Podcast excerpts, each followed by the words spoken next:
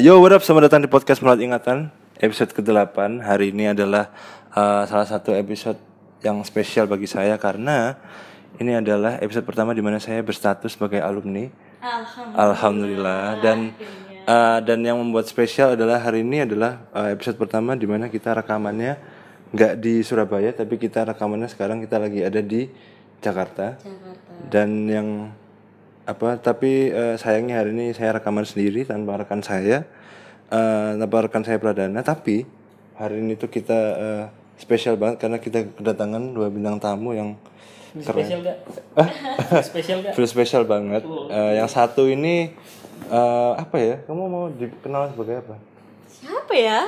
Kayak biasa sih orang biasa aja. orang biasa ya kalau kamu pengen Panggil saja Mawar. Waduh. Jadi hari ini eh, eh, podcast kita ya selamat datang di podcast Murat Ingatan. Wih, selamat datang di podcast Murat Ingatan eh One Media Pinesa Yeay. dan eh, Dimas Bayu Prihandana. Wih, benar Wih, sekali. bener-bener. Jadi eh, hari ini kita ngomongin apa ya? Apa yuk coba tebak. Ini aja deh. Sebenarnya aku tuh penasaran sih dari Ecak dulu ya, Cak ya. Hmm. Ini mungkin dikoreksi dulu ya. Nah, betul. correct me if I'm wrong ya. Jadi eh kan kamu di narasi nih. Ya, Narasi. Di narasi ini sebagai apa, Cak?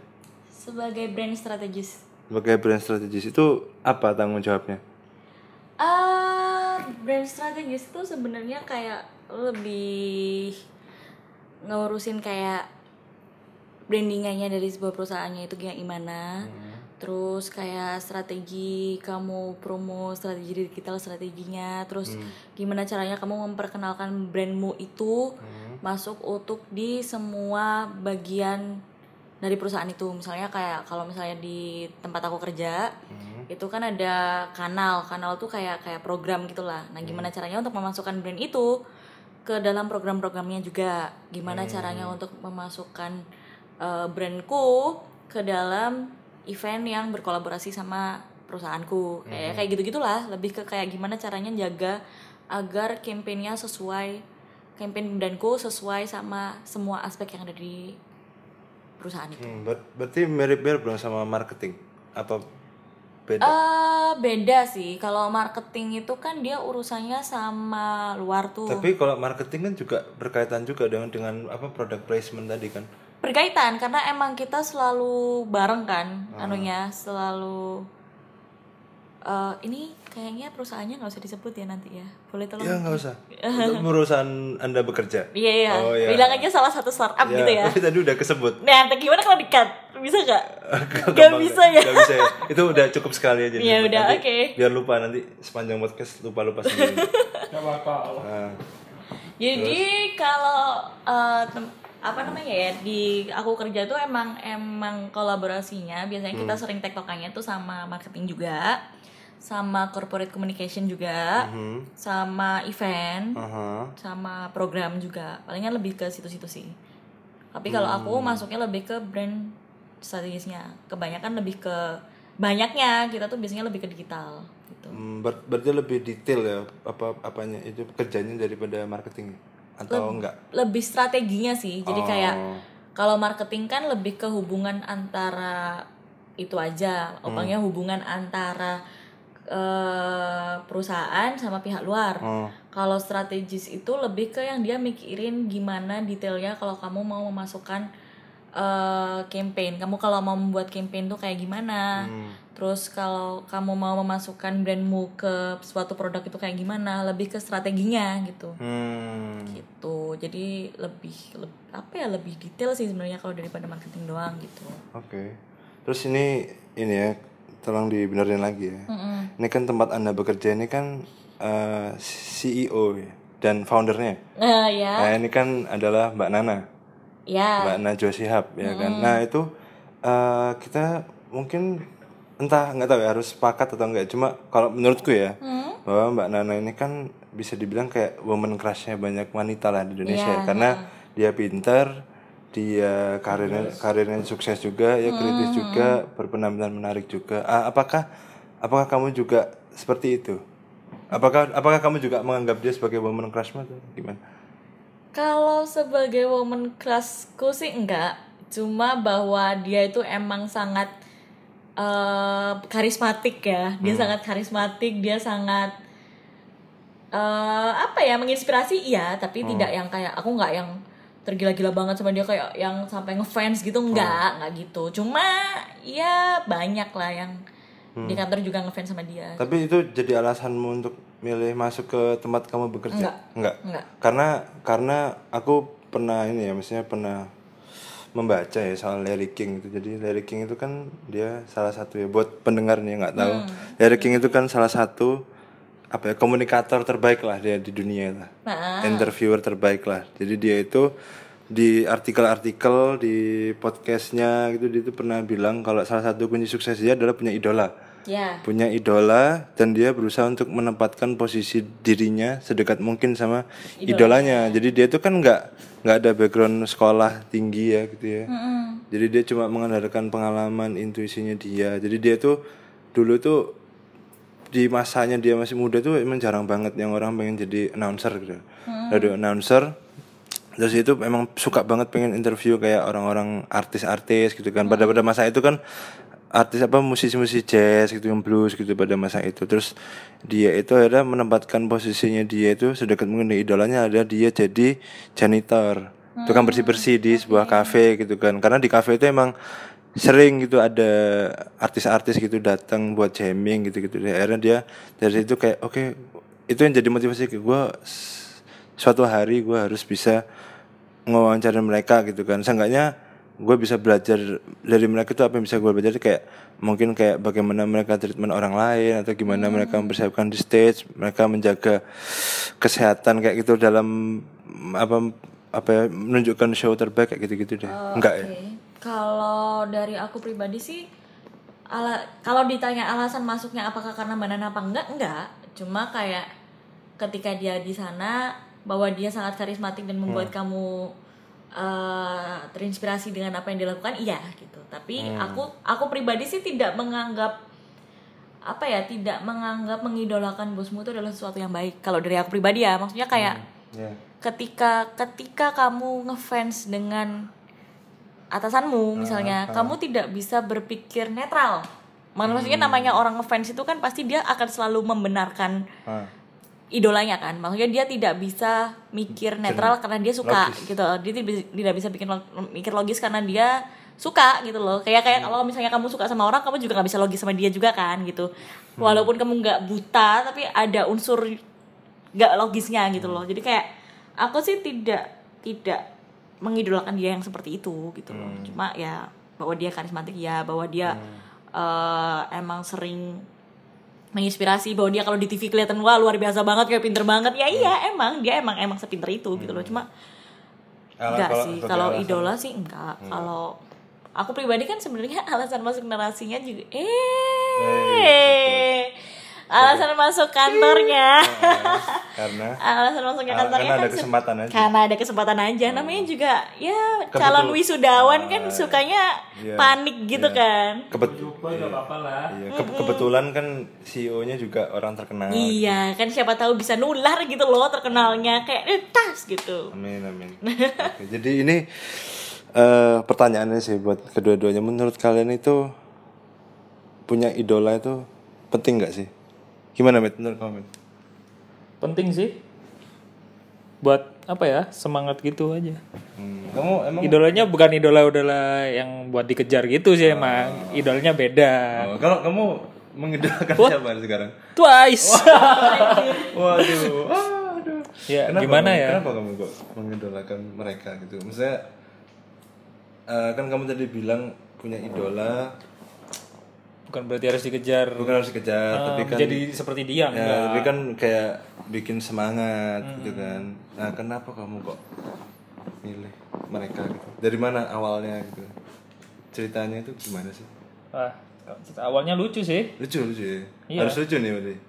Ada kalau Bukan bukan. Ada punchline. kalau kalau nggak ketawa berarti nggak lucu nih Anjir.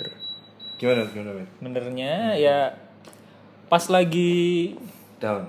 TA. Oh, lagi TA. Tapi bukan bukan aku yang TA. Aku lagi ini apa? konseptual lagi awal-awal bikin skripsi Hmm. nah dia kan lagi di lab Hmm. yang lagi TA sama-sama stres semua Hmm. entah kenapa eh nyetel lagu itu nyetel lagu Twice Ada di dirimu atau ada ada dirimu berarti? Bukan bukan Ada bukan saya lain, orang ada lain orang lain di dalam lingkungan itu di akhirnya dalam jadi eh, akhirnya jadi rutinitas. Mhm. dan wah ternyata lucu lucu ya kayak gitu. Ya udah terus lagunya oh bikin semangat sekali gitu. Wah jadi kayak keruh keruh keruh keruh keruh garam keruh keruh keruh keruh. Ya udah nyetel itu eh nimbrung semua lihat semua semangat semua ya udah garap lagi kayak gitu. Ntar keruh keruh lagi nggak apa ngumpul lagi nyetel itu lagi. Tapi kamu tuh em, mengidolakan dari aspek let's say misalkan kalau misalkan grup seperti itu kan visual visual let's say cara paling mudah kan visual dan sound mereka musik mereka. Apakah leb- apakah ada lebih dari itu? Cuma atau sekedar itu aja visual dan audionya itu aja? Atau atau lebih dari aspek itu? Kayak misalkan oh aku suka si orang ini nih kayak personalitinya gue suka banget itu itu yang bikin bikin aku suka gitu. Personality Bikin ya semangat gitu. lumayan sih ada. Soalnya ya kalau secara langsung kan kurang tahu juga ya kalau dari yang media ya cuma dan gitu bahkan doang. mungkin bahkan idolamu kadang itu idola kita nggak tahu kalau kita hidup gitu. iya sering tuh. Nah, itu. Dibilangin sama teman kayak gitu. Aduh, bertepuk sebelah tangan gitu ya. Eh. kan idola. Oh, bukan iya. yang hei hei rem dikit dong. Gitu ya jadi udah gitu aja berarti coba Nggak, ya sama liriknya kan banyak lah yang semangat bikin- ya berarti ada yang bikin semangat ada yang bikin apa ya kalau yang bikin sedih bikin nyaman Hmm. bikin anget kayak gitu hmm. kalau kamu cek ada idola nggak atau kayak Kalau idola sebenarnya tuh lebih ke kalau idola enggak Hmm. enggak punya karena dari dulu tuh ini karena kayak kayak kayak tiap orang punya ajaran yang beda-beda kan di rumah Hmm. kalau aku karena karena bapakku wartawan itu oh selalu ya ngasih. Baru tahu? Wah masa sih? Serius, serius, serius. masa sih? Jadi kayak dia tuh selalu mengajarkan bahwa ketika kamu punya idola kamu nggak bisa berpikir netral. Hmm. karena itu ya nggak apa-apa. Sebenarnya kamu nggak apa-apa punya idola tapi kamu jangan pernah mengom- mengomentari tentang idolamu. Karena Hmm. jangan pernah berdebat sama orang tentang idolamu karena ya nggak valid gitu loh pendapatmu tuh jadi nggak Hmm. valid gitu loh karena karena ya nggak netral gitu nah entah entah karena omongan itu atau gimana aku jadi tidak pernah merasa harus mengidolakan orang atau Hmm. gimana gitu kan cuma setelah aku pikir-pikir seiring berjalannya waktu kayak ketika kamu sudah mulai dewasa ketika kamu sudah mulai apa ya kayak kayak menghadapi habis lulus kan kayak quarter life crisis gitu kan kalau kata people kan gitu ya. Ya, quarter life itu crisis. tuh kamu tuh kehilangan arah gitu loh. Kamu akan merasa kehilangan ah, nggak tahu ya mungkin aku doang ya tapi kalau dari aku sih aku merasa kehilangan arah. Sehingga untuk sebenarnya untuk kamu mengingatkan bahwa apa sih sebenarnya tujuan kamu apa sih goal yang mau kamu capai terus sebenarnya kamu ini ngapain sih kayak gitu tuh kamu tuh butuh idola gitu loh buat Hmm. Buat Set mengingatkan aja eh, buat jadi goalsmu gitu maksudnya Hmm. kayak nggak semua orang bisa menetapkan goalsnya dia apa Hmm. apalagi dengan ketika kamu lulus kamu juga nggak punya bayangan apa apa kalau aku pribadi aku aku tipikal yang seperti itu Hmm. aku tipikal yang selalu ngalir tapi ketika kamu sudah dihadapin kayak Oh Pilihan. kamu 23 tahun nih, lo udah lo udah graduate nih, terus kayak lo harus menentukan semuanya sendiri nih, lo harus punya tujuan nih. Nah, itu overwhelming. Dengan punya idola, itu tuh kayak memudahkan jalanmu. ada ada ada pattern yang Iya, jadi kayak kamu punya punya sesuatu untuk dicontoh gitu loh. Hmm. Jadi kamu nggak bener-bener yang aku harus melakukan semuanya sendirian nih. Hmm. Oh, aku harus mulai menata hidupku dari awal nih. Kayak enggak, kamu nggak harus kayak gitu ketika kamu punya idola. Itu salah satu cara gitu loh. Jadi kayak ada baik dan buruknya dari punya idola. Kalau menurutku sih kayak gitu. Cuma kalau dari aku pribadi, untuk saat ini aku belum punya idola yang buat itu. Cuma ya nggak tahu ya. Mungkin ada beberapa orang yang bisa menjadikan idola itu adalah salah satu cara dia untuk mendapatkan apa yang dia mau. Kalau tapi itu dari aku nggak tahu sih kalau dari Krisna gimana nih? Kalau kalau aku sih penting lah. Ya idola. Aku sebenarnya juga nggak tahu ya idola aku itu siapa. Maksudnya yang idola untuk dijadikan kayak set goals dalam kehidupan itu nggak ngerti sih aku nggak ada sih. Cuma mungkin kalau orang-orang yang aku kagumi gitu kan karena pencapaian mereka gitu kan. Maksudnya itu itu sing itu ada sih. Cuma kalau yang aku jadikan kayak oh ini orang nih harus aku kejar nih itu kayak nggak ada. Karena mungkin di posisi ini pun aku juga masih mencari diriku sendiri gitu. Maksudnya kayak mungkin menurutku kalau menurutku idola itu pun harus menurutku ya ini kayak harus ada di satu field apa ya apa bidang, yang, bidang tertentu yang kamu kuasai sekarang gitu loh. Kayak karena karena karena paling karena paling relate gitu. Karena paling mudah. Kayak misalkan kamu basicnya adalah seorang desainer gitu kan. Desainer misalkan let's say product designer gitu. Kamu mengidolakan mengidolakan dia seorang product designer karena dia pencapaian dia. Maksudku ya karena lebih mudah karena kamu punya banyak kesamaan dengan dia gitu. Kamu mem- apa belajar hal yang sama kamu punya basic ilmu yang sama. Jadi lebih mudah untuk dikejar gitu sih. Nggak tahu sih. Atau mungkin seenggaknya memang bidang ini beda cuma mungkin apa ya mungkin punya cita-cita yang sama apa. ada ada kesamaan gitu loh itu memudahkan kamu buat apa ya kayak buat set goals atau buat apa ya? Kayak gini loh. Kalau misalnya kamu udah punya kamu tahu dari awal kalau kamu mau jadi apa hmm. itu gampang. Kamu menentukan idola kamu menentukan goalsmu. Tapi ketika kamu sendiri juga nggak tahu kamu mau ke mana idola tuh jadi kayak nggak relevan gitu loh ya nggak sih? Hmm, hmm, kayak kamu sendiri juga nggak tahu kamu mau jadi apa. Hmm, hmm, kamu mau menentukan idola idola dalam segi apa dulu nih? Hmm. apakah idola untuk di hiburanku? Misalnya kayak kamu suka Twice Ya, aku ya su- aku suka Arnold Schwarzenegger itu kan Nah, idola iya, juga tapi kayak hiburan sih. ya buat hiburan aja gitu loh. set goal gitu. Kalau yang kalau yang idola untuk set goals itu ketika kamu udah tahu kamu mau jadi apa. Ah. tapi ketika enggak sebenarnya ya nggak perlu juga. Maksudnya gini loh. Idola tuh kan apa ya? Nggak nggak pasti gitu loh. Kamu bisa kamu bisa mengidolakan mengidolakan artis nih misalnya. Hmm. kamu bisa ngidolain eh, sosok nih misalnya. Misalnya kayak kamu mengidolakan ibumu kan berarti kamu Iya, punya tujuan untuk menjadi seperti ibumu Iya. kayak gitu kan. Itu juga apakah itu juga termasuk idola atau gimana gitu Idola itu kayak konteksnya banyak gitu gak sih iya iya konteksnya banyak Ber- berarti menurut kalian idola itu kalian idola itu ada ketika kamu udah ngerti dirimu sendiri apa gimana? bisa jadi sih kalau dari penjelasan dari Eca kayaknya bisa jadi juga kayak gitu Nah, kalau kamu punya maksudnya kayak ada kalau idola yang buat yang set goal emang nggak ada kalau ada ya? Berarti berarti kamu berarti memang lagi posisinya juga masih lagi mencari. bingung ha. Hmm. Lagi bingung mau Apa karena kita sama-sama baru mentas ya dari iya baru mentas ya. Ya? iya cuma ada untungnya. Ah, dapat ini dapat tawaran. Cuma Hmm. gitu doang kan? Iya sih. Kalau kamu Cak, tadi tadi apa sih? Kita ngomong apa? kita tadi ngomong apa ya? jadi sampai sampai gak ngerti loh. Oke, tadi ngomong apa sih? soal idola saya Ah, ah, ah. berarti kamu setuju nggak Cok kalau misalkan kalau dari penjelasanmu berarti kan idola itu berarti kalau idola dalam set goals kehidupan berarti kan kamu harus tahu dulu kamu tuh Kamu mau pengen jadi apa, maunya ah. jadi apa gitu. kalau ini kayak kita ngalir dari awal tadi ya kita kan kayak mikir ke idola itu penting gak sih gitu. Kalau aku bilang sih bergantung konteksnya kamu mau menjadikan idola itu jadi apa? Hmm.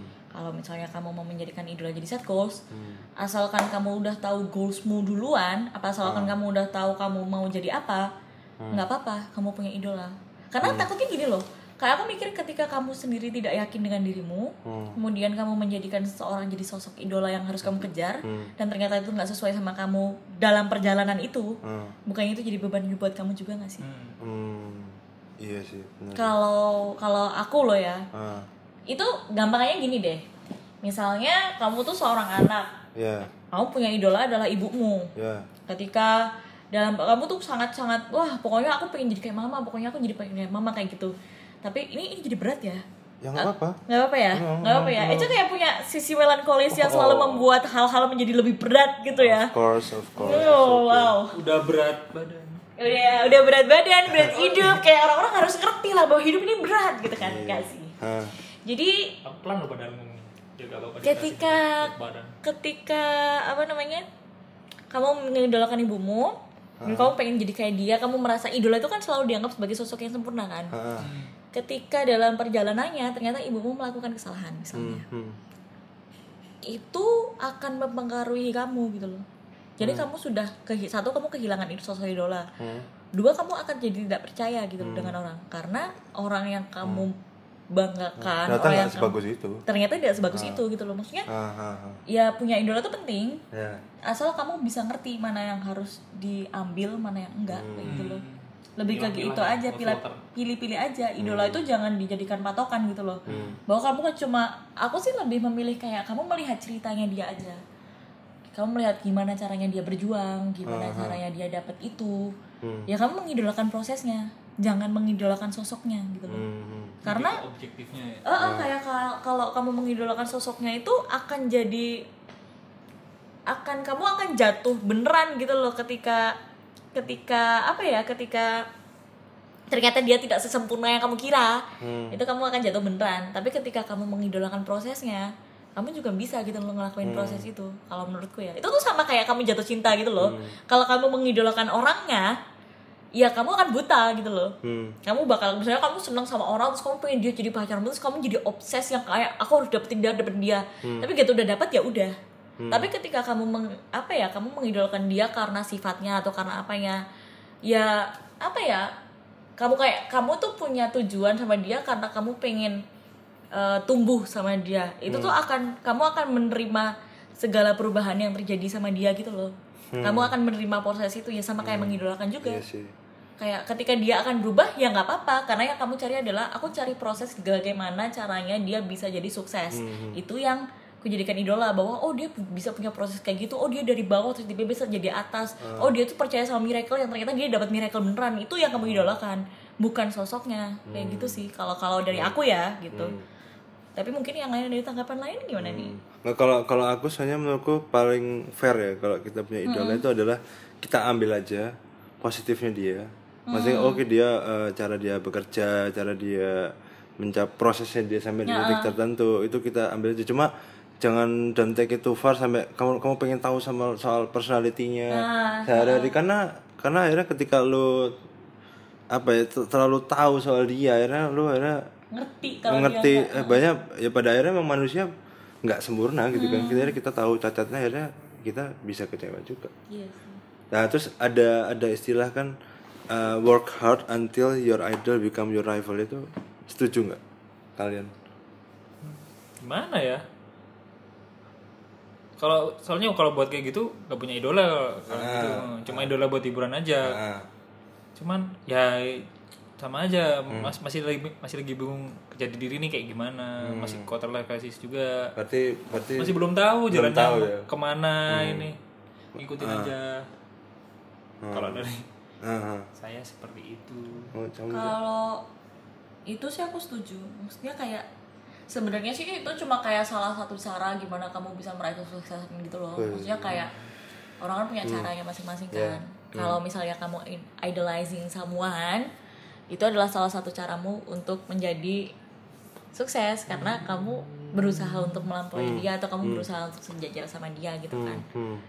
itu salah satu cara kamu untuk set goal tapi nggak semua orang harus kayak gitu gitu loh untuk untuk itu gitu. Kalau menurutku sih kayak gitu. Hmm.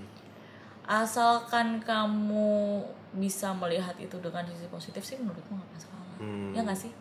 Cuma kalau dari aku pribadi ya kayak ya karena aku juga nggak punya idola gitu kali ya. Nah, aku belum punya idola gitu ya jadi kayak ya ya iya sih tapi kayak ya nggak juga sih. Maksudnya idola yang kayak gimana nih? Maksudnya aku punya teman yang ku anggap dia itu udah sukses. Hmm. so aku pengen jadi kayak dia. Apakah itu aku idolizing dia? Kan nggak juga Hmm. atau gimana tuh? Enggak juga sih. Nggak Enggak tahu kan? gimana ya. Aku juga sebenarnya nggak nggak bisa mendefend idola itu gimana iya kan jadi kayak eh idola itu sendiri tuh yang kayak gimana? Apakah yang orang yang sangat jauh banget yang tidak tergapai dengan kamu? Ah. atau kan cuma kayak teman kamu yang kamu anggap dia sukses banget yang kayak buset dah gue masih segini loh udah segitu. Kayak gitu itu apakah itu idola gitu loh? Kalau gini jangankan idola gimana kalau cita-cita Hmm. Gimana tuh? gimana tuh gimana tuh maksudnya ya kan idola kan Ah. lebih ke tadi kan ke orang kan lebih ke orang Ah. yang kamu akan set goal nah kalau cita-cita kan dari kamu sendiri Ah. ngobjektifin kamu mau ga- ngapain aja kayak gitu loh Ah. biar kamu mencapai nantar keinginanmu yang yang paling tinggi itu apa Hmm. kayak gitu kan kalau cita-cita nggak bisa dijadiin rival dong ya emang bukan rival. Beda. Kalau idol ya idol itu kayak objek dari cita-cita gitu. Hmm. Paham nggak sih? tapi tapi orang punya cita-cita belum mesti punya idol. Tapi orang punya idol tapi pasti punya cita-cita. Ya nggak sih? Bisa ah gitu ya. Maksudku kayak hampir sama kayak gitu loh kayak ah, kamu punya idol kamu punya cita-cita. Ah, Se- misalnya kamu gak punya idol atau kamu masih punya cita-cita kayak gitu loh. Ah. hmm. kayak gitu hmm. Nah dari cita-cita kamu ada yang bingungin nggak? Tahu lah kamu sendiri. Masih masih bingung sama sama cita-citamu nggak? Bingung. Aku mungkin mungkin Bingung ya? nggak Bingung mungkin semua ternyata. mungkin mungkin ya kita tuh waktu kecil kan naif gitu loh. Kayak kita tuh kayak oh kita punya cita-cita pengen jadi dokter happy. atau kayak kayak maksudnya kayak spesifik untuk jadi nabi. bukan maksudnya pengen pengen jadi apa ya? Maksudnya kayak satu profesi tertentu gitu atau objek tertentu gitu loh. Karena itu yang kita tahu. Iya ya mungkin karena sesuai kapasitas. Kecil sih. Kayak kalau sekarang pun nggak tahu kayak spesifik ke kayak misalkan kayak aku spesifik malah malah melebar sih kalau sekarang. Iya. ada influencer ada Iya, iya, kayak ada misalkan, apa, selebgram iya. gimana wah. Kayak misalkan aku sendiri pun basicnya desain produk nih tapi nggak tahu ya aku cita-citanya apakah produk desainer nggak juga? Enggak juga. Enggak juga. Nggak juga nggak tahu. Cuma cuma aku kayak punya cita-cita cita- cita-cita aku sih kalau menurutku ya. Aku tuh kayak cita at least gitu aku tuh bisa bermanfaat buat orang sekitar aja gitu. Itu nggak tahu sih aku pengen aja. Atau atau ya. Atau atau seenggaknya apa ya bisa nyenengin orang-orang terdekat itu cita-cita sih menurutku sih. Nggak tahu sih somehow menurutku sih. Cita-citaku cuma pengen jadi ibu-ibu sosialita yang bisa menghambur-hamburkan duit bisa nggak sih? Itu kan masih cita-cita nggak sih? Ya cita-cita. Iya kan kayak aku pengen jadi mama cantik antar anak tau gak sih? Yang kayak dia menghamburkan uang dengan enak gitu kan. Aku cuma pengen kayak bisa kamu beli sesuatu tanpa harus melihat price tag. Apa apakah itu goalsmu? Enggak bukan goals. Itu gue sama cita-cita tuh? Apa bedanya tuh ya goals. Goals sama cita-cita ya sama dong Sama berarti. kan? nah nah berarti kalau kita ngomongin goals nih. Goals itu kan kita kalau kita mencapai goals itu kan pasti ada yang dikorbankan kan? Ya. ada yang dikorbankan. Nah kalian sekarang kan bekerja di Jakarta nih. Nah berarti kalian pasti kalian mengorbankan sesuatu untuk untuk datang ke sini untuk nggak tahu apa pun itu yang kalian korban- korbankan pasti ada yang kalian korbankan. Karena at least paling paling mendasar adalah kalian meninggalkan let's say home home mungkin mungkin tempat yang kalian anggap rumah bukan bukan house itu tapi home gitu kan. Pasti kalian harus eh, namanya, Beradaptasi beradaptasi lagi gitu. Nah yang aku ingin pertanyakan kalian adalah apa sih sebenarnya yang kalian cari di sini gitu? Apa goals kalian di sini? Apa yang kalian cari di sini? Kenapa kenapa Jakarta kenapa kalau jawab jujur ya Ya. jawab jujur ya. Sebenarnya nggak pingin ke Jakarta sumpah nggak pingin. Tapi kamu ngambil peluang aja. Ngambil peluang. Karena ini ada Karena ada, nggak bisa miss ini oke. Gitu. Heeh. ya udah nggak apa-apa lah. Ya emang awalnya eh, penawaran kan ditawarin kan Iya. dengan kerja. Awal ngomongnya di Tangerang oh bukan Jakarta nih. Hmm. nah pas di map ah terjaga Jakarta Barat lu kurang ajar ya udah gak apa-apa lah Hmm. kan perbatasan sih Iya. Nah, terus? Cuman ya gak ada entah kenapa ndak ada keinginan nggak pingin ke Jakarta soalnya nggak mau jadi pemandat juga kan. Heeh. terus ya udah namanya juga ditawarin masa gak mau diambil kayak gitu. Akhirnya tumpang tindih iya apa enggak iya apa enggak akhirnya ya lebih ke iya aja. Apakah Sekalian kamu apakah kamu berdasarkan pada pikiran bahwa oh kesempatan tidak datang dua kali atau gimana? Ini lebih ke apa ya advice dari dosen Ah. wali. Rasan Wali. Diginiin mumpung cek enom coba KBC Ah. ya kayak gitu sih. ada di bawah ya? Ya ada di bawah nah. mumpung masih muda nyoba-nyoba dulu aja. Oh udah ditranslate sendiri. Oh iya alhamdulillah terima kasih sadar ya. anjing. Berarti ka- intinya mencoba dulu Mencoba dulu ya? Heeh. nyari nyari nyari apa pengalaman lah sekalian kan ah, Eh, merantau lagi lebih jauh kayak gimana kehidupan iya di tempat-tempat lainnya Nah, seperti apa meskipun kamu ini bisa dibilang kan kamu masih prematur nih, Mi. Prematur banget. Prematur sebagai apa? Imigran. Imigran imigran gelap. Imigran di Jakarta nih. Nah, apa yang yang kamu rasakan sejauh ini? Apa yang sudah kamu korbankan lah? Atau mungkin kamu kayak apa yang kamu sudah merasa hilang gitu ketika Wah. kamu di sini? Wah, kenyamanan sih yang pasti. Kenyamanan? Kenyamanan. Di tempat yang bisa kita bilang home. Hmm. nggak mesti tempat tinggal pulang apa kampung ya. Hmm. apa rumah di Ya, home is where your heart belong. Yes. Anjay. Banget Yoi. Kadang itu juga menyesal gitu ah kenapa kok nganggap ini home akhirnya harus ditinggal hmm. harus adaptasi lagi kan kayak gitu lebih lebih banyak kayak ngorban itu ya tem- tem- eh, tempat yang paling nyaman yang harusnya bisa buat nyari di sana malah ditinggalin kayak gitu Hmm. selain itu Jadi sedih ya. apakah ada pengorbanan lain yang kamu anggap itu pengorbanan lah? atau misalnya lebih kayak itu kan apa ya bukan teknis ya eh teknis gimana? teknis oh. mungkin kayak misalkan aku akhirnya di Jakarta makannya lebih mahal gitu ya ya itu jelas sih jelas Ah, ya. jelas ya namanya dari kota ini sampai ke kota, ke Ah. ibu kota jelasnya lebih ke dana ya Hmm, berarti aku bisa men, men- apa ya, men- meringkas ya men summarize bahwa kalau summit ini Dimas ini Hmm. itu tujuan goalsnya di sini adalah mencari pengalaman udah kan pengalaman dan cuan pengalaman dan cuan Karena hidup adalah tentang cuan cuan cuan cuan. cuan cuan Iya betul cinta belakangan kayaknya ya cinta belaka Iya apa enggak nih? Iya apa cuan- enggak nih? Kalau ada cuan, ntar dia bakal datang sendiri sih. Oh gitu ya. Iya lah. Ah, oke oke Kalau kalau pengalaman ini soalnya ini. kalau kamu cak gimana cak Apa ini? tadi gimana bahasannya tadi lupa. oh goals goals Ini tuh kayak lompat-lompat gitu gak sih kayak apa yang kita bahas? emang kan aku gak bikin skrip Maksudnya udah pengorbanan, iya iya iya iya iya apa yang kamu Ah, tinggalkan. apa apa yang kamu korbankan untuk mencapai apa yang kamu kejar di sini Pak Awal. pasti kamu datang ke sini kan ada yang dikejar dong nggak mungkin kayak ah Ah, bukan bukan ada yang ngejar, ada yang mau ini apa? ngejar Bukan bukan ngejar. Ah, Gimana sih Lari, yang dong? Gimana oh ada yang mau ngejar di tempat asal jadi dia lari ke sini Iya, oh seperti gitu itu. Siapa? Hah? Nggak tahu deh. Apaan sih? Eh, yang ditinggalkan ya. Apa yang ditinggalkan? Apa yang ditinggalkan ada yang saya tinggalkan adalah zona nyaman yang pasti. hmm. eh sebenarnya kan kayak yang ku cari ketika aku ke Jakarta kan adalah satu sebenarnya kayak lebih ke menantang diri sendiri gitu loh Hmm. Kayak orang bilang kan ketika kamu berada di zona nyaman kamu nggak akan berkembang. Ya. Karena itu lebih ke kayak ya nggak sih orang masih naif terus kayak dia kayak aku pengen pengen tahu apakah itu bener apa enggak gitu loh. Oh. apakah emang emang kamu apa ya kamu ketika mengejar sesuatu kamu ketika mau sukses kamu harus meninggalkan zona nyaman apakah iya gitu loh. Apakah akan sesusah sesusah itu? Apakah emang harus kayak gitu caranya? Makanya kayak yaudahlah coba yuk gitu.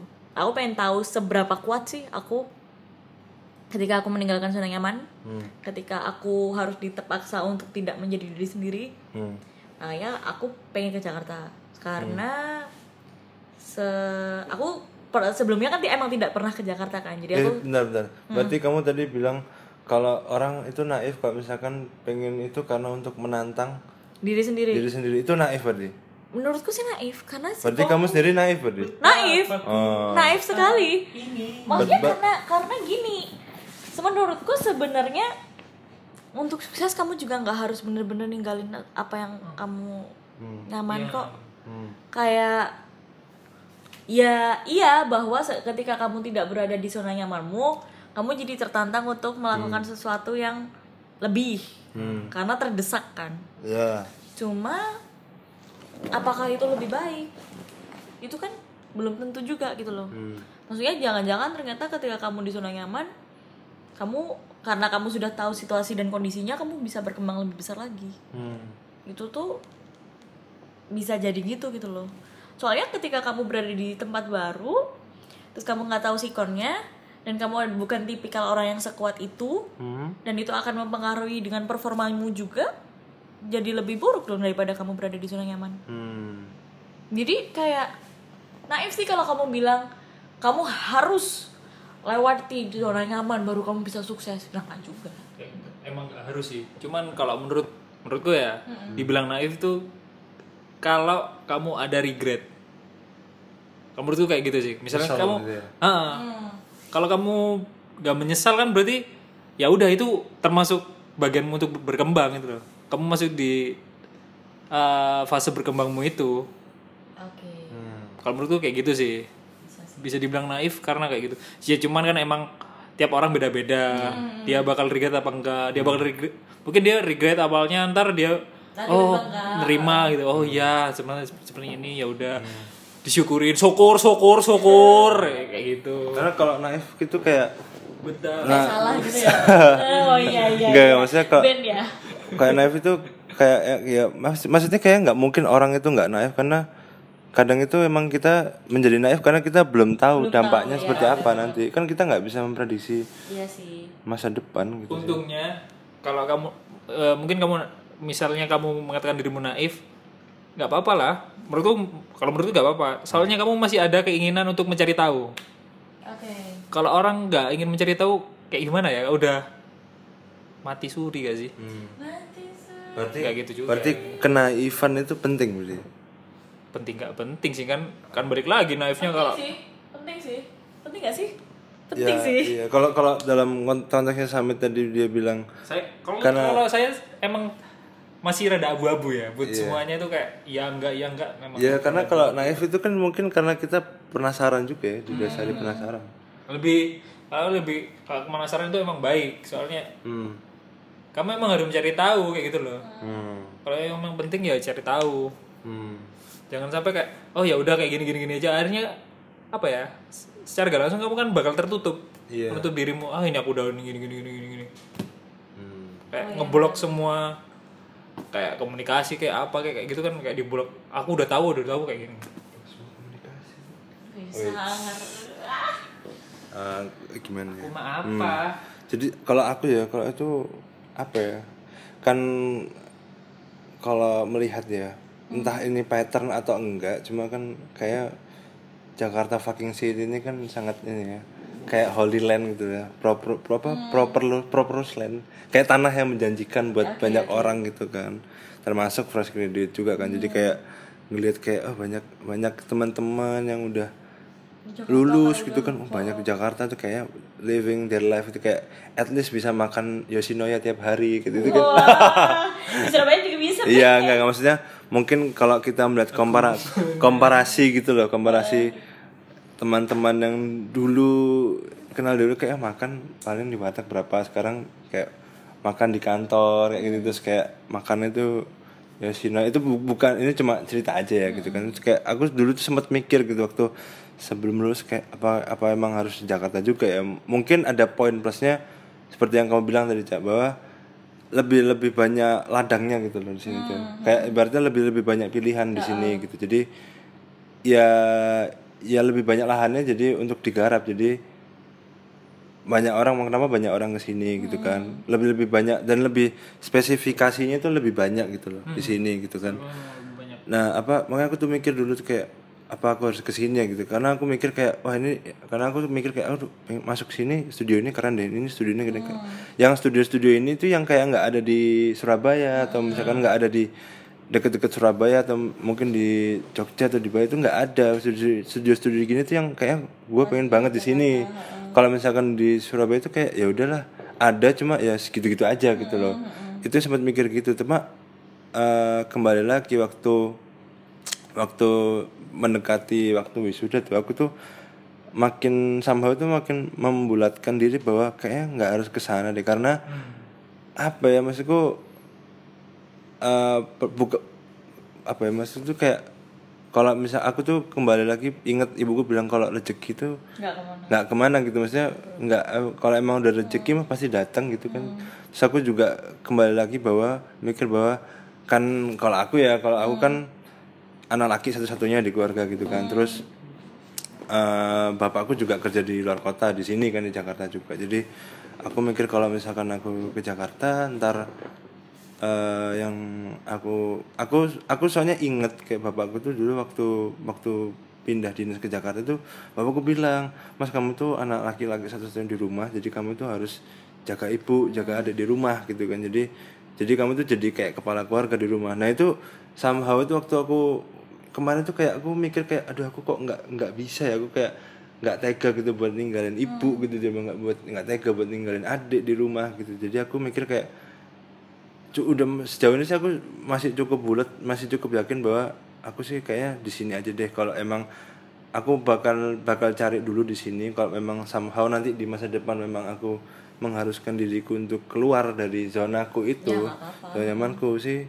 nggak masalah gitu kan. Toh toh aku sih ngerasa kayak misalkan apa ya mungkin banyak orang yang sekedar cetek ya menganggapnya bahwa zo- zona nyaman itu ninggalin kampung halaman dong enggak gitu. Enggak. itu ngubah misalnya kamu keluar dari kebiasaan itu udah beda. Misalkan nih misalkan nih kamu kamu rumahmu di Surabaya misalkan kamu kerja juga di Surabaya atau sekitarnya.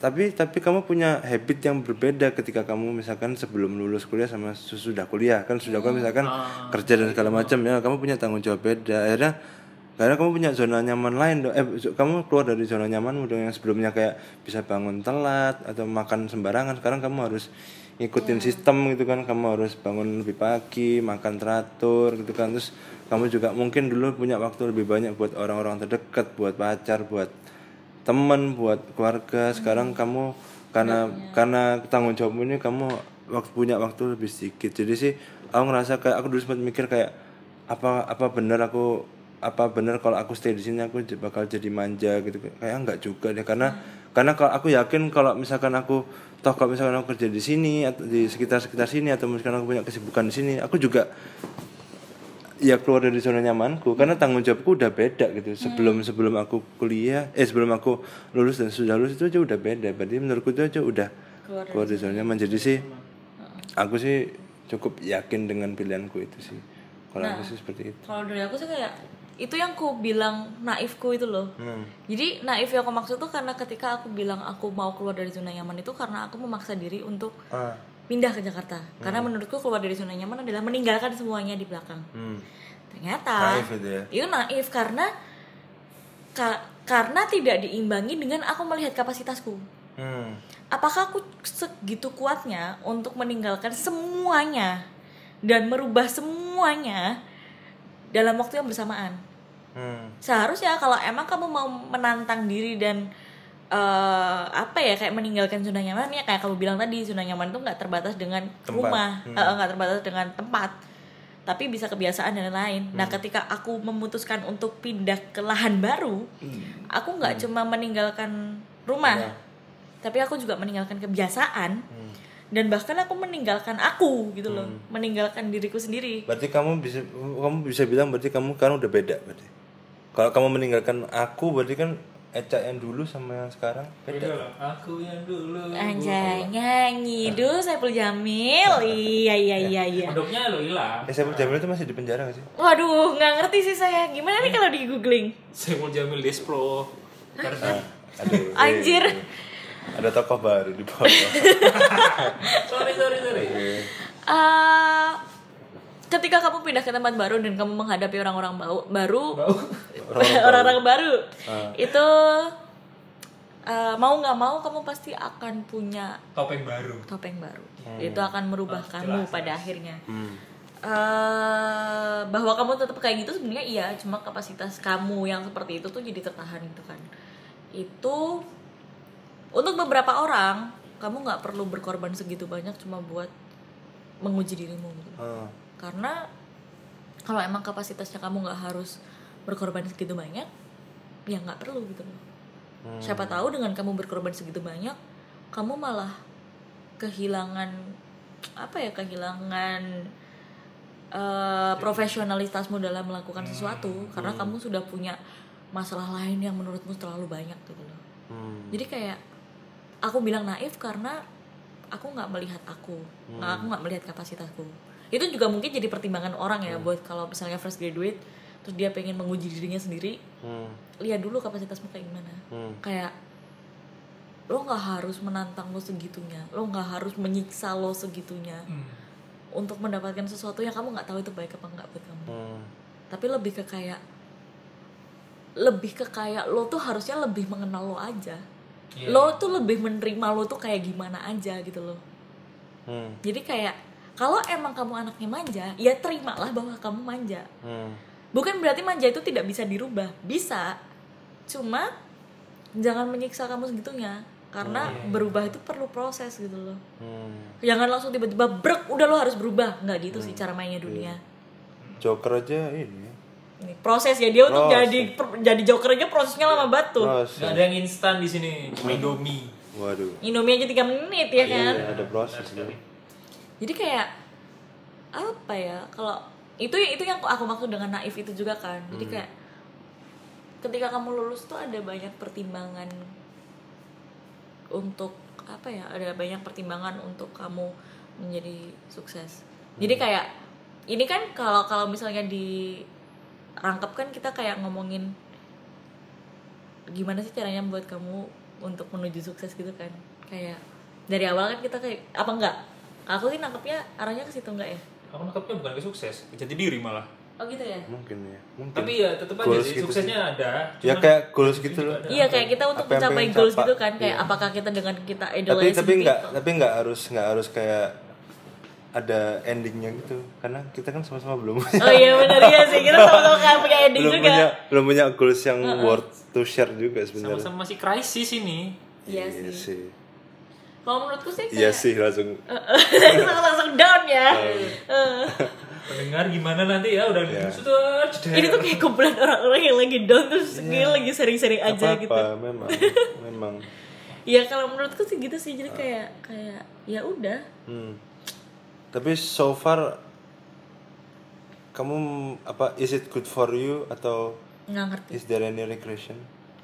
nggak ngerti Hmm. mau dibilang good for me ya karena aku jadi tahu aku jadi lebih mengenal diriku Ah. sendiri aku jadi belajar menerima Hmm. diriku sendiri aku jadi belajar bahwa oh ternyata saya tidak semandiri itu. Ah, oh ternyata saya ternyata di Surabaya nggak pernah ngapa-ngapain. Jadi ketika di sini saya overwhelming kayak gitu. Ah, saya jadi lebih ke kayak oh ya udah gitu. Terus saya juga lebih mengerti kayak oh ternyata ini loh bertanggung jawab sama pekerjaan. Oh ternyata ini loh ketemu sama orang baru tuh harus kayak gini.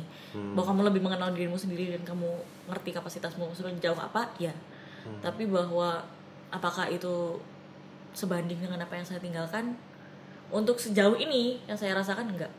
Hmm, So, kayak terlalu banyak yang saya tinggalkan terlalu banyak yang eh, saya kehilangan terlalu banyak untuk bisa berada di sini gitu hmm. tuh sih. Berarti kalau misalkan bisa turn back time pengen nggak? enggak Ambil juga lagi? Sih enggak juga Oh. sih karena kayak aku gini mikirnya kayak aku percaya apa nih Enggak oh, enggak apa. aku percaya Cai. percaya Ayo. aku percaya bahwa sesuatu tuh terjadi tuh pasti ada maksudnya gitu loh Hmm. Itu itu yang aku percayai sejak aku di kuliah ya. Maksudnya karena aku juga masuk di kuliah yang tidak sesuai dengan apa yang aku inginkan juga kan. Dan bahkan aku masuk ke maksudnya aku masuk ke Despro aku sebenarnya nggak tahu apa itu desain produk gitu kan. Jadi aku tuh iya. jadi aku tuh kayak percaya kalau kenapa aku tidak meninggalkan desain produk kan karena yang aku percaya adalah oh aku pengen tahu apa sih sebenarnya yang disiapin naif juga dong. iya aku aku kan menjalani kehidupan ini dengan naif gitu loh. Naif sekali ya. kayak aku aku yang pengen tahu oh aku pengen tahu nih apa sih sebenarnya yang disiapin sama Tuhan dengan memasukkan aku ke sini? Bah- bahwa sebenarnya aku punya pilihan untuk meninggalkan itu iya. Tapi aku kayak ini kasarannya ya kayak aku nantang apa sih? Gitu. Apa sih yang pengen kamu tunjukkan ke saya dengan memasukkan saya ke sini? Tak jalanin dulu biar aku tahu. Ternyata kan ketika aku gede aku ngerti. Dengan aku masuk ke desain produk dan basicku di rumah adalah orang-orang komunikasi aku jadi punya pandangan yang lebih terbuka terhadap teknologi ketika aku di desain produk karena sebelumnya aku pasti nggak bakal pernah tahu apa itu 3D printing Ah, nggak apa itu 4G CNC itu apa. yang Oh, ya, handphone kayak itu. gitu Oh, juga gitu ya. sih Oh. Enggak, kan bilang tadi katanya kalau aku nggak masuk Display aku nggak tahu teknologi berarti dia oh baru tahu ada 4G oh iya iya handphone gua. iya laptop itu baru waktu gua. Waduh, aku juga nggak tahu kalau desain itu segitu prosesnya. Aku pasti akan melihat kursi dengan tatapan yang kayak alah kursi. Aku bakal bilang anjir mahal banget. Kita nggak tahu proses di baliknya kayak gimana. Apresiasi ya. Nah, ketika ketika aku di Despro aku lebih mengapresiasi itu bahwa itu ternyata bermanfaat untuk aku ketika di lingkungan kerja iya bahwa aku jadi memaknai proses lebih dalam bahwa aku bisa melihat sesuatu dengan sisi nyeninya kayak gimana itu juga jadi tambahan buat aku ternyata emang itu gitu loh yang mau ditunjukkan sama Tuhan kayak kamu punya basic Dispro itu membantu kamu nanti di dunia kerja walaupun aku kerjaannya juga bukan desain gitu loh. Hmm. Nah, itu yang aku dapatkan setelah dari Dispro. Nah, dengan aku ke Jakarta ini kan naif juga aku juga naif juga. Hmm. Aku juga menantang itu juga. Apa sih yang pengen ditunjukin Tuhan dengan memaksa aku untuk untuk datang ke Jakarta ini apa yang mau ditunjukkan? Berarti apa aku akan menjadi hmm, apa gitu. Nikmati alurnya dulu ya. Mau nggak mau dinikmatin aja. Hmm, karena kamu belum di poin untuk oke aku harus meninggalkan ini belum ya. Belum. Hmm. Sempat kepikiran iya pasti. Maksudnya kayak menurutku sih semua orang rantau pernah kepikiran buat kayak Hmm, aduh aku tak mulai highways gitu. Aduh tak pulang aja lah. Kayaknya kok kota ini tidak menerimaku. kalau pertama ya dulu ke Surabaya nggak mikir gitu sih Apa? emang mau melarikan diri dari orang tua so, sorry nih ya nggak cuman ini ya, quote buat kamu aja ingat naifmu ntar bisa jadi wise Anjay. Hmm, Sebuah quote dari Dimas Bayu ya. iya. karena ya itu dari Dimas Bayu keinginan naif. wow keingintahuanmu meskipun kamu nggak tahu itu apa baik apa enggak buat ngiji diri buat ngiji diri kan mesti per- di prosesnya bakal ada jatuh tur jatuh Jatuh naik turun sakit healing ya itu ntar kamu kan menjadi seseorang yang lebih wise dan dan mungkin tetap dari jati dirimu tetap manja ya manja cuman lebih wise saja Hmm, pasti somehow lebih baik lah. Gitu ya. contoh dari kata-katanya tadi ya wow udah akhirnya kamu lebih mengerti kan kayak gitu Iya, iya. Berarti kalau kita bisa mensummarize ya. Apa dia bisa? apa yang disummarize nih? Idola, tadi ngomongin Twice juga sampai di titik life goal. Nah, kamu kena juga once ya Hey, hey. hey hey buka kartu nih hey. Tapi di sini kan saya ini kan cari tahu narasumbernya bukan bukan meng- meng- mengulik diri saya sendiri. Eh, apa saya yang mengulik anda Eh, tidak boleh, kan saya hostnya. anda kalau Anda kalau mau ngulik saya bikin podcast sendiri dong. Aduh. Aduh Aduh. Ya udah berarti apa ya kita kalau summarize berarti Apa nih kita sama apa ya summarize nya berarti jalani proses ya iya proses itu penting bener ya. Proses itu. Proses itu penting. apresiasi diri sendiri jangan lupa Hmm, uh, kena if itu perlu sometime. nah, sampai Kayak itu, curiosity itu perlu eh, ini tuh kayak apa sih yang kamu eh apa ya kayak kayak apa sih yang harus kamu lakukan untuk mencapai sesuatu? Apakah idolizing itu perlu? Iya. Apa, bergantung. Ber- Sebenarnya bergantung. Apakah apakah kamu perlu perlu apa perlu naif? Bergantung juga. Apaan sih? bahwa bahwa apakah kamu perlu naif juga? Ya, iya mungkin bahwa apakah kamu perlu apalagi tadi kita ngobrol ya? Uh, idol, idol. Idol udah, idol udah, naif udah. udah. Terus apa namanya? Udah naif itu Udah poin ya? terakhir kayaknya. Iya, apalagi ya di tengah-tengah itu ini apa itu apa? sacrifice Uh, Oh, pengorbanan. pengorbanan. Bahwa ke- apakah dalam pengorbanan dalam mencapai sesuatu itu kamu harus berkorban? Ya, iya, kayak gitu. ya. Jadi kayak Hmm. ini tuh lebih ke kayak apa aja sih prosesnya ba- apa aja sih yang bakal kita dalam kita alami? Bla bla. Aduh susah banget ngomongnya ya. Apa ba- apa aja yang bakal kita alami dalam proses kita mendapatkan sesuatu gitu aja kan. Bahwa orang itu pasti punya banyak cara orang itu pasti banyak punya banyak pengorbanan orang itu pasti punya banyak hal-hal bodoh kayak yang ternyata dia naif ternyata dia uh, curious tapi ternyata membawa dia ke arah yang tidak baik atau gimana itu ya. Nggak apa-apa dia nikmatin aja prosesnya. Bahwa itu bukan sia-sia gitu Berarti summarize-nya adalah goals itu apa pun goals kita itu pasti ada yang kita korbankan. Hmm. Jadi jangan berusaha menghindari itu, jangan menghindari rasa sakit itu. Jadi enjoy the ride aja. Hmm. iya Is that right? Is that Right, Is that- right, right. Appreciate what happen next Oke. whatever happen happen lah Oke. Iya. Ah ini ada ini sih, ini kayak tipikal penutup oh gimana tuh dari merat ingatan ya. gimana tuh gimana tuh gimana tuh ini udah seneng banget sih sebenarnya bisa masuk merawat ingatan Wow. parah banget sih Ya fans dong. fans sejak sejak awal Yes. Enggak jadi di kantor beb Yes, jadi gini gini. Jadi em, kita kan basicnya nih sama nih di kampus nih gitu kan. Ya. Tadi kita ngomongin goals nih. Berarti kalian itu punya masuk ke Despro ini. Produk itu kan punya goals gitu punya tujuan gitu kan Hmm.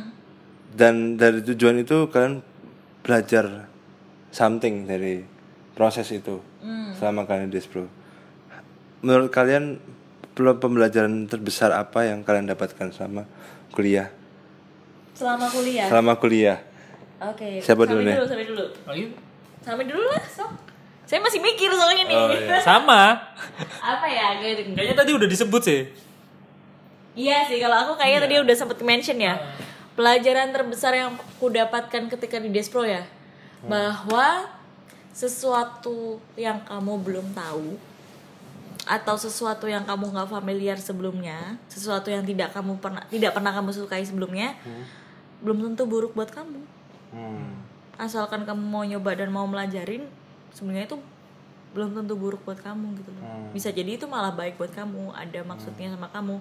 Pelajaran terbesarku sih itu, bahwa akhirnya dengan aku mendalami Despro yang aku tidak pernah tahu sebelumnya, bahwa itu karena aku juga keluar dari zona nyaman juga, itu membuatku mendapatkan sesuatu yang tidak pernah kupikirkan sebelumnya. Aku nggak pernah membayangkan itu akan uh, ku pelajari gitu. Itu pelajaran terbesarku di Despro. Bahwa aku bisa menerima bahwa oh ternyata semua yang ada di kita, semua yang ditawarkan ke kita tuh sebenarnya nggak ada yang jelek gitu loh. Asalkan kita bisa nerima mana yang apa ya kayak asalkan kita ngerti mana yang harus kita ambil.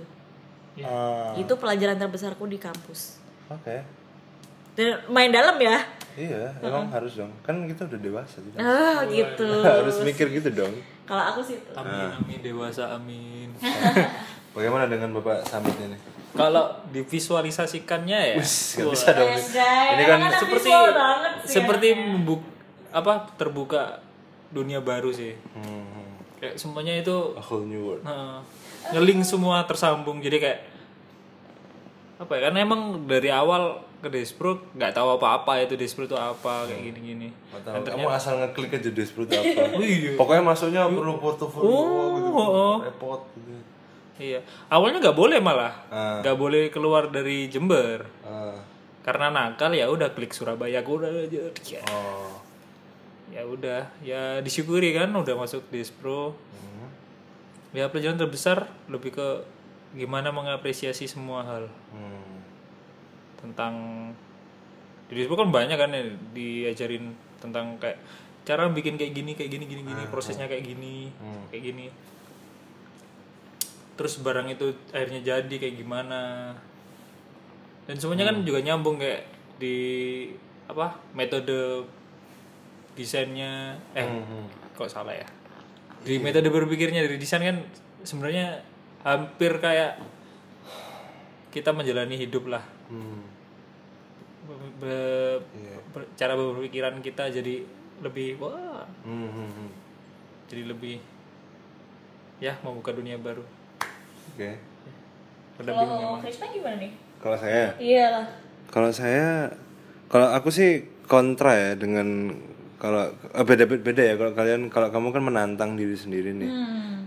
Berarti kamu sebenarnya nggak suka, tapi Ya. kamu coba aja. Kalau Samit emang karena nggak tahu, dan Nyoba menantang aja. orang tua nantang aja. Kalau aku tahu banget apa yang pengen tak masukin, tapi ternyata hal yang apa yang kamu anggap suka itu ternyata tidak seindah itu gitu ternyata. Oh oke. Jadi emang ternyata apa ya maksudnya gimana ya jelasannya? Ya pokoknya kadang hal itu yang kita terlihat tidak terlihat baik itu sangat baik untuk kita itu sebenarnya bukan berarti aku nggak ngomong dia sebenarnya tidak baik untuk aku tapi kadang itu tidak seindah itu gitu. Jadi jadi make sure kamu setiap apa pun pilihan yang kamu pilih dalam hidup itu kamu harus siap bertanggung jawab dengan apa yang pilihanmu sih. Kalau aku sih gitu sih. Karena ya gimana ya?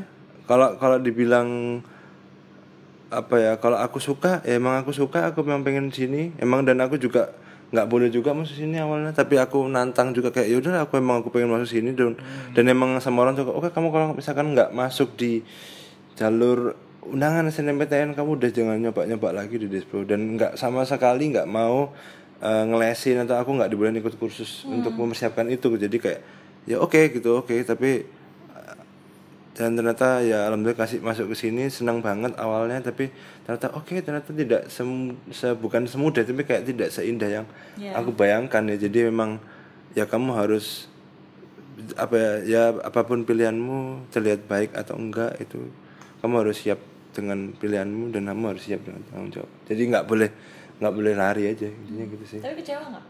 enggak karena aku menemukan semuanya. Teman-teman teman-teman. teman-teman yang luar biasa Ya, cinta.